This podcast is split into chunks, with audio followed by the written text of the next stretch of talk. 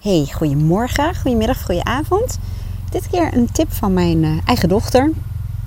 Ik zei laatst tegen haar um, iets in de trant al van dat ik totaal geen richtingsgevoel meer heb. Dat ik dat ergens bij de geboorte van mijn dochter heb achtergelaten of zo. Want zij heeft dat wel heel erg, uh, mijn dochter.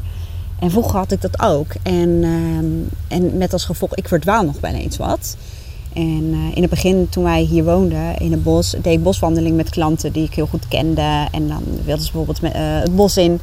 En dan zei ik ze ook van tevoren: ik, um, we kunnen beter eind van de dag afspreken. En hou er rekening mee dat iets uitloopt. Want ik ken de routes hier nog niet zo heel erg goed. En op een gegeven moment zei mijn dochter: Als je dat maar uh, jezelf blijft vertellen. Want de vraag is of het werkelijk waar is dat je geen richtingsgevoel hebt. Dan ga je je er ook naar gedragen.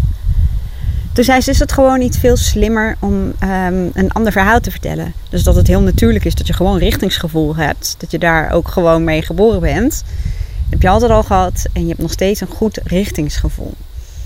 En het grappige is dat toen ik mezelf dat dus vertelde, van ach ja, dat is ook zo. Natuurlijk hebben we wel richtingsgevoel. Die keer daarna, die toen kapot ging, nam ik een nieuwe route. En ik had, ja, wat richtingsgevoel is natuurlijk. Gewoon echt het gevoel, oh, dan moet ik daarheen en die kant op en mijn huis is daar.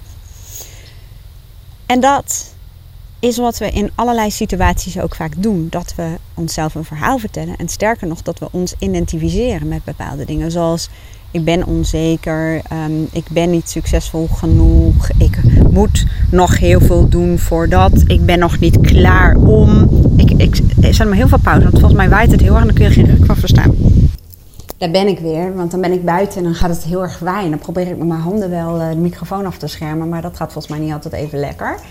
Um, nou, identificatie had ik het over. Hè? Als ik dus zeg dat ik geen richtingsgevoel heb, is dat ook een vorm van identificatie. Ik zeg dat iets zo is.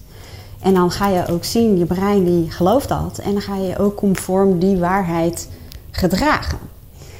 En dat geldt voor allerlei zaken die voor jou, zonder dat je er erg in hebt, vaak uh, de absolute waarheid zijn. Ik kan dit niet, het lukt mij niet, um, ik ben niet zakelijk genoeg, um, ik ben geen ondernemer. Nou, we kunnen zo heel erg lang doorgaan, maar door jezelf dat verhaal te vertellen, wat het dan ook in jouw geval mogen zijn, ga je merken dat je je ernaar gaat gedragen. En dan krijg je natuurlijk ook de desbetreffende resultaten. In mijn geval, ja, ik ben al wel eens verdwaald. Dus het is al een hele kunst dat er nooit een zoekactie op mij, eh, naar mij op touw is gezet. En net als met, um, ik kan ook bewijs nog van mezelf zeggen dat ik lomp ben.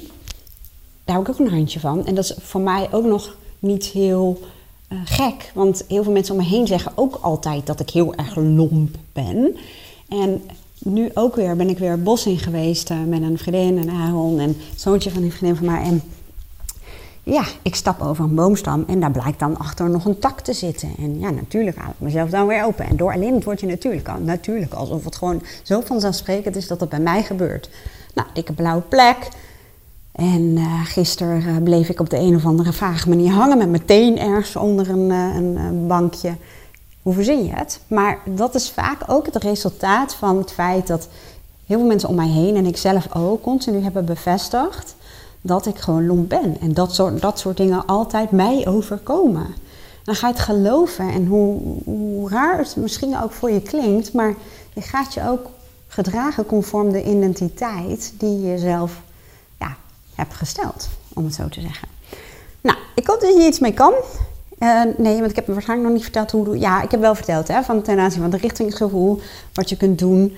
Um, maar ook door het ik ben, ik heb, het is, te veranderen in um, nou ja, dat het bijvoorbeeld een deel van je is, of dat het gedrag is, of dat je het wat feitelijker maakt. In het geval van, van mijn lompheid is het ook gewoon heel erg vaak zo dat ik uh, heel erg bijvoorbeeld om me heen kijk en uh, afgeleid ben. En dan vergeet ik eigenlijk ook om af en toe eens even naar de grond te kijken, om voor me te kijken. Dus op zich is het een logisch gevolg van bepaald gedrag. En ik kan soms misschien net even iets te onnadenkend, um, nou in dit geval over die boomstam heen uh, scheuren.